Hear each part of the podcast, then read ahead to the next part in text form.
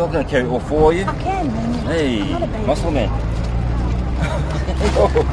Hey, heavy those things, man. 'n Handjievol mense betrokke by die Fields Heal Helping Hands inisiatief laai sakke kruideniersware en klere af by 'n vulstasie naby Kwandangezi, Wes van Durban. Eenkant staan 'n groep van 18 vroue en kinders, saamgebondel in die koue. Party gesigte is strak, asof hulle nie raak gesien wil word nie. Later praat Precious Lamini oor die nagmerrie van die nag van 5 September toe 'n weghol-vragmotor by Fields Hill teen 4 taksies en 'n motor gebots het. Oh, I really don't want to go back to that day because it's miserable for me. And most of the nights I don't sleep. I wake up about 12 o'clock. I like I feel like crying all the time. The suffering, the pain that we go through. Yeah, it's bad, really bad for us. Yeah, as a family. Precious se man Johannes het die sig in een oog verloor, sy kakebeen gebreek en 'n rugbesering opgedoen in die ongeluk. In die maand wat hy in die hospitaal was, het hy 3 operasies ondergaan. Precious het haar werk as huishulp verloor omdat sy nou haar man moet versorg.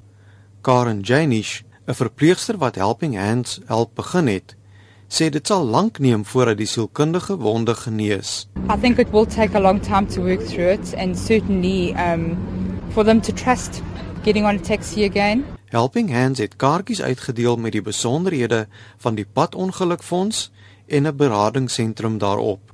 Calvin Sitole se broer Arnoldo het in die ongeluk gesterf en 'n 1-jarige dogter agtergelaat. It- It's too many children. You're gonna grow up without the proper life you're supposed to had it because of, of that accident happening. So somebody, anyone, you can donate it uh, with some account or something, money or anything, just for those children to can have a good education because without education is nothing. Intussen lewer Helping Hands weekliks pakkies kos en klere vir die 40 gesinne af sodat hulle ten minste nie honger ly nie. Janish sê egter dat die skenkings nou na 'n maand begin afneem. I think if people could see what their giving has done for the people here, I think then they would maybe give more. A lot of people are really depending on this food at the moment, and a lot of them are at home because they can't work.